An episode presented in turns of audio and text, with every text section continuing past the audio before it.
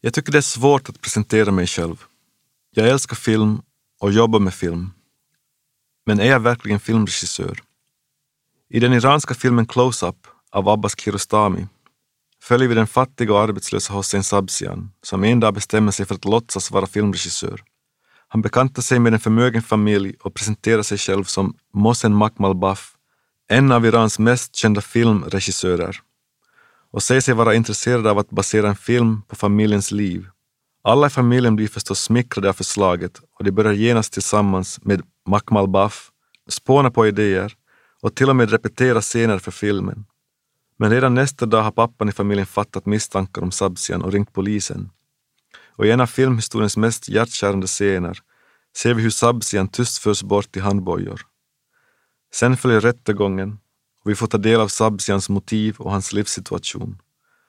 Hans berättelse och kriminella handling är den anonyma fattiga mannens desperata försök att för en stund känna hur det känns att ha en röst och att bli hörd. Ingen film har betytt så mycket för mig som Close-Up.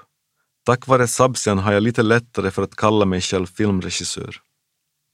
Jag heter Savandi Groskind och jag är din sommarpratare idag. Jag minns hur jag som liten noggrant studerade och beundrade mina kompisars hem. Jag nämnde aldrig något, men jag la märke till deras fina fåtöljer, köksbord, vasar, parkettgolv, mattor, glas, besticken, kylskåp fulla med mat och dofterna. Jag minns i synnerhet dofterna, renligheten. Jag brukade be mamma köpa det tvättmedel som doftade mest. Fortfarande hände det sig när jag känner doften av tvättmedel att jag kastas rakt in i den bekanta känslan av utanförskap. Jag hör mig själv säga, vem försöker du lura med att använda så mycket tvättmedel? Människor som vuxit upp i fattigdom har ofta en underlägsen och destruktiv självuppfattning. Ju fattigare du är, desto mindre förväntar du dig att folk ska lyssna på dig. Man kan till och med börja acceptera vissa orättvisor som inträffar i en för att det på något sätt följer det narrativ som man internaliserat. Allt det här leder i sin tur ofta till depression, ångest och eller våldsamt beteende. Jag tror den här aspekten av fattigdom är det som de som inte upplevt den har svårast att förstå. Att det inte enbart är fråga om ett materiellt problem. För en fattiga krävs det ofta mer än bara pengar för att motverka de negativa tänkesätten man eventuellt dras med. Och det kan ta väldigt lång tid att komma ur. Det som hjälpte mig var konst, och då i synnerhet film. Jag hade turen att det i min hemstad Jakobstad fanns en underbar liten ungdomsverkstad, After Eight, dit vilsna själar kunde vända sig. Jag hade nog aldrig känt mig särskilt kreativ eller konstnärlig. Jag hade spelat fotboll och ishockey tills jag fyllde 16, men valde ändå att börja på konstverkstaden där. Min handledare på konstverkstaden föreslog senare att jag skulle söka in till filmskolan i Nykarleby. Hon sa att det kunde vara något för mig, jag hade egentligen inte behörighet att söka, men jag borde testa ändå, sa hon. Jag var 19 år då jag blev antagen på filmlinjen. Som människa var jag fortfarande så fruktansvärt vilsen och fylld av ångest. I filmskolan upplevde jag att tyngdpunkten låg på det tekniska i det vi lärde oss. Och jag anade nog redan då att så länge jag är fylld med så mycket konflikt, vilsenhet och ångest kommer jag inte att kunna producera något vettigt. Det skulle ta över tio år att hitta en röst som jag kände att var min. Men att lita på den rösten, det kommer jag nog att kämpa med resten av livet. Det var kanske Aki Kaurismäki som var den första riktigt stora kärleken för mig. Hans filmer hjälpte mig att förstå och leva mig in i min mammas situation och på så vis komma närmare henne. Jag hade varit ganska naiv och dessutom vant mig vid en viss sorts attityd och skildring av fattiga och därmed skämts och tigit om mina hemförhållanden. Väldigt få skildrar fattiga, hemlösa, flyktingar och andra utsatta grupper med sin mänskliga värdighet intakt på det sättet som Kaurismäki gör. Det var också via honom som jag fick upp ögonen för mina favoriter som Bresson, Osu och Kiarostami och inte minst Sodankylä filmfestival. Hur tackar man någon som gett en något så betydelsefullt? Just i Sodankylä några år tillbaka fick jag chansen det var vid en danspaviljong mitt i skogen där festivalarrangörer, inbjudna gäster och volontärer firade och dansade. Jag stod och grillade korv vid en öppen eld. Bredvid mig stod Mike Lee, True Story. Jag såg att Kaurismäki satt på en bänk en bit längre bort och Chedje rökte och drack. Jag tog några darrande steg mot honom och räckte ut min hand. Jag tittade rakt in i hans rödsprängda ögon och yttrade. Du kan aldrig ana hur mycket du har betytt för mig.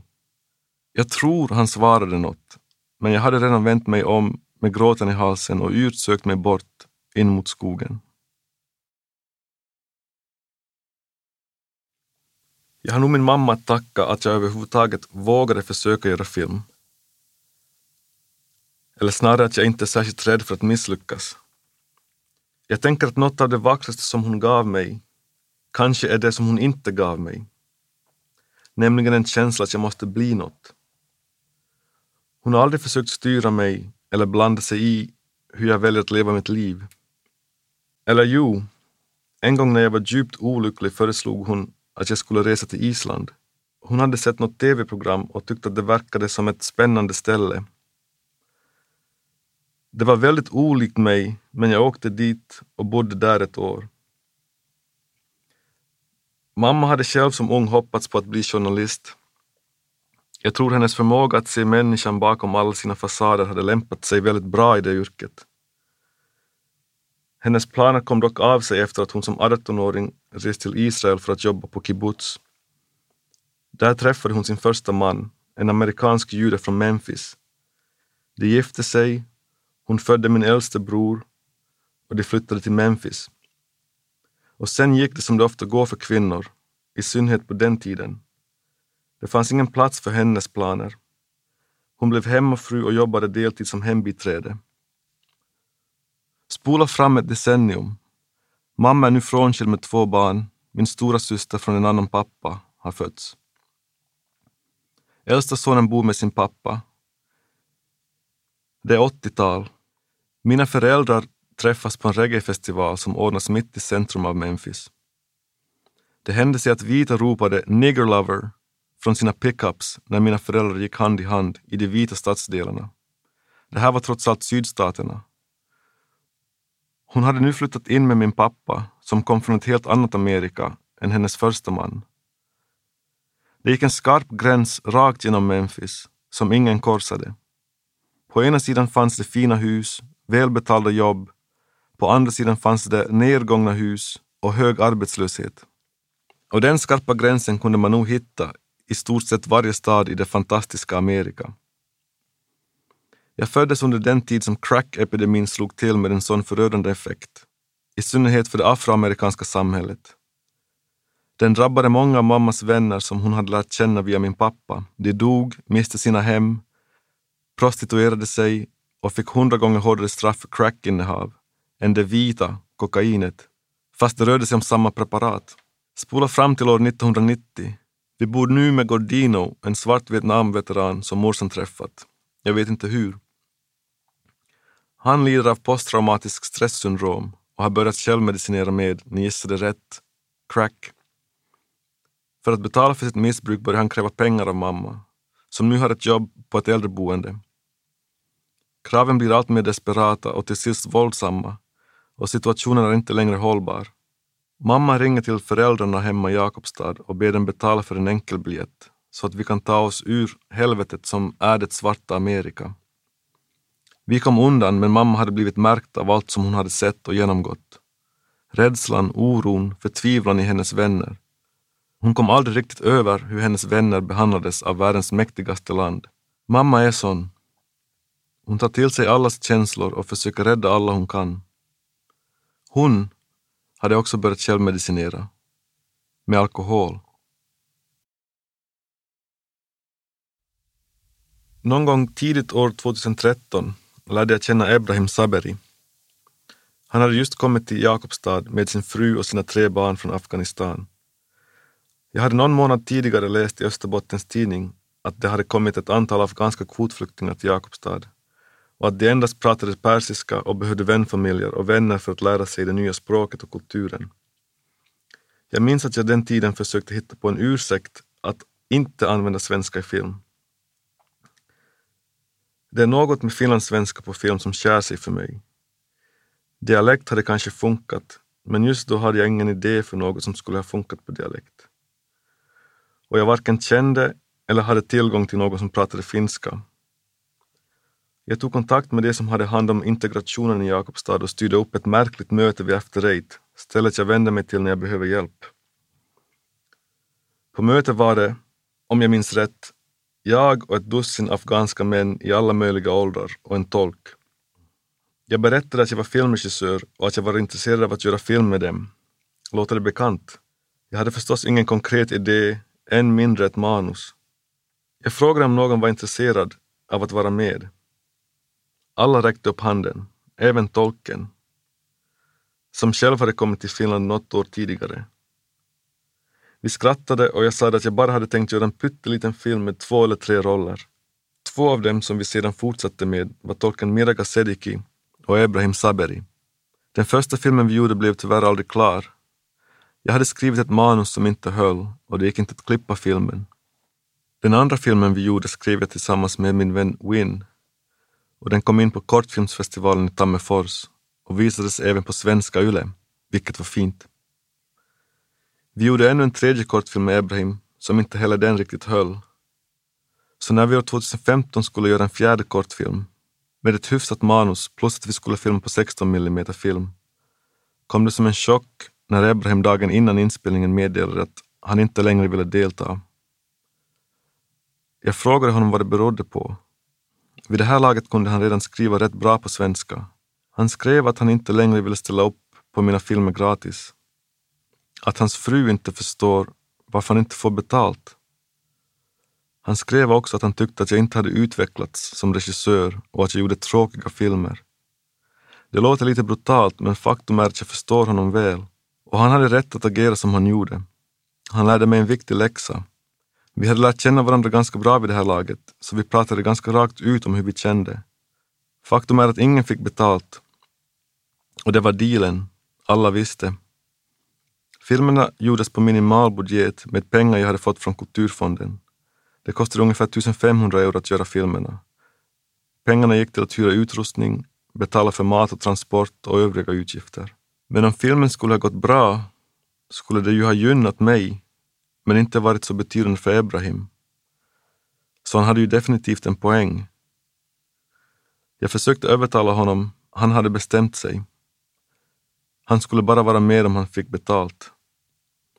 Så jag fick hastigt skriva om manuset på natten. Utrustningen var ju redan hyrd och det gick inte att skjuta upp. Jag visste att det fanns många intresserade i regionen, men det fanns bara en Ebrahim Saberi. Mycket riktigt led filmen som vi sedan spelade in av ändringarna. Rollen som var gjord för Ebrahim funkade inte för någon annan. Jag ångrar att vi inte gjorde en making of-film när vi gjorde våra första kortfilmer. Det som skedde runt om och bakom kameran var onekligen mycket mer intressant än det som hände framför. Så i år fick jag chansen att göra en kortfilm med en ordentlig budget. Med ordentliga löner. Filmen handlar om två bröder som av olika orsaker glidit isär. Valet av skådespelare var inte svårt. Abraham och Miraga, självklart. Två naturbegåvningar. Nu skulle vi äntligen få göra film på riktigt och de skulle få betalt. Allt var så nytt för mig och jag tänkte hela tiden, om teamet bara visste hur osäker jag är på allt. Men jag försökte se ut som att jag visste vad jag höll på med. Miraga var så oerhört proffsig och levererade alla sina repliker perfekt. Men Ebrahim hade inte riktigt kommit in i sin roll. Han var hela tiden lite off, glömde sina repliker, verkade disträ och jag minns att jag blev orolig. Vi hade sparat de mest krävande scenerna till inspelningens sista dagar. I en scen har bröderna en liten subtil konfrontation när de kör i bilen. Den scenen oroade jag mig mest för. Den måste sitta. Så vi kör i bilen, kameran på Ebrahim. Fotografen säger, kameran går, ljudet går. Nervöst säger jag, varsågod, och tittar in i min lilla monitor på Ebrahim. Och nu hände det. Han visar det som jag alltid anat funnits inuti honom. Han har en så mystisk närvaro som bara en icke-tränad skådespelare kan ha. Replikerna faller ur honom som om de uppstod just där och då. Efteråt säger jag tyst tack, håller tillbaka tårarna, kramar om Ebrahim och säger vi tar en till. Men jag vet att det satt. Alla i bilen brister ut i ett stort leende. Det som Ebrahim just gjorde ser jag så sällan i film, i varje fall i mina filmer. Han skapar en stund av ren och skär filmmagi. Jag heter Savandi Groskin och idag är jag din sommarpratare. Jag önskar att Ebrahim och Mirga visste hur mycket jag älskade dem. Jag försökte nog berätta för dem efter att inspelningen var över hur tacksam jag var för att ha träffat dem. För även om jag försöker vara stark och tro på mig själv så känner jag mig som Sabsian, låtsasregissören som jag nämnde om i inledningen. Någon som bara låtsas göra film. Och en dag tas man på bar gärning, förs bort till handbojor och åtals för grovt bedrägeri. Men jag har i alla fall fått uppleva hur det är att få något som fanns inuti mig, något som handlar om mig, att uppstå på film. Det hade nog inte gått med vilka skådespelare som helst. För i Ebrahim och Miraga ser jag så mycket av mig själv. Jag ser utanförskapet och försöken att passa in. Jag ser oron inför framtiden, uppbrott och splittrade familjer, ekonomiska bekymmer och allt vad det innebär. Men jag ser också öppenhet, passion, humor och djup. Genom dem får jag bearbeta, studera, drömma och leka. Det som film alltid handlat om för mig. Ett fantastiskt verktyg. Och jag har nu kanske äntligen hittat min röst, min form. Och jag hade nog anat den tidigare, men hade svårt med den, på samma sätt som när man hör sin riktiga röst och blir förskräckt. Som yngre ville jag ju göra spännande och lite provokativa filmer. Men jag märkte hur jag hela tiden drogs till den mer meditativa och långsamma stilen.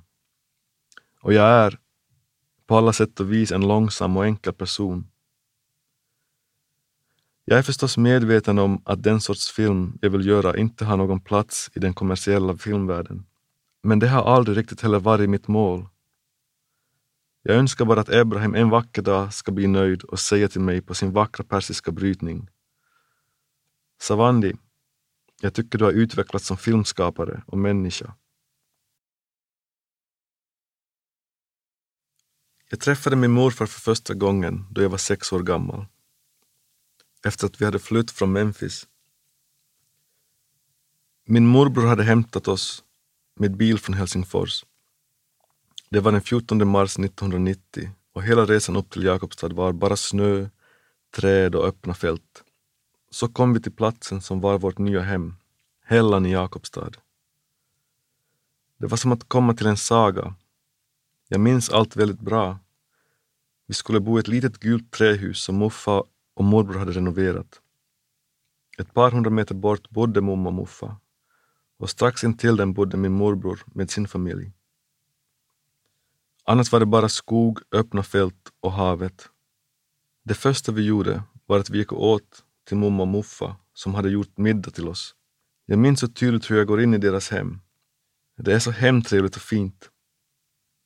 Alla är där. Mina kusiner som jag aldrig har träffat och mamma och morfar förstås. De har gjort risgrynsgröt.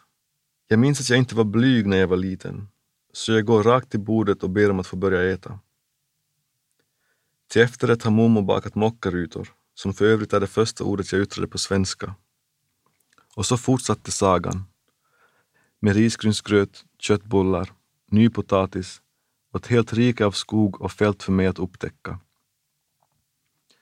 Mycket av den första tiden i Finland spenderar jag med Muffa. Jag följer honom vart han än går. Jag är med när han hugger ved, reparerar bastun, handlar i butiken, gräver, lyfter och drar och sågar. Vi äter tillsammans och sen fortsätter vi. Han gör sitt och jag iakttar nyfiket. Hans lugna och säkra lynne var hypnotiserande. I tysthet lärde vi känna varandra på en av jordens vackraste platser. Långt senare skulle jag upptäcka en annan vacker egenskap i honom. Muffa hade även gåvan att prata och berätta om sina känslor. Han kunde gråta inför ett rum fullt med människor. Han kunde be om förlåtelse. Även detta iakttog jag. Men det var först senare jag förstod hur värdefullt det var. Jag hade studerat hur han snickrade, men jag lärde mig aldrig att snickra särskilt bra. Däremot lärde jag mig att prata ut som han. Att vara öppen. För det hade jag nog ett större behov av. Jag har nog aldrig träffat en man som Muffa. Jag undrar var han kommer ifrån. Hur blir man som han? Han fyller 97 år i år. Jag ser honom allt för sällan. Hans sinne är fortfarande lika skarpt och vackert. Men hans kropp är förstås trött. Sist vi sågs tog han upp något som jag hade nämnt för länge sedan. Jag hade frågat honom om hans efternamn.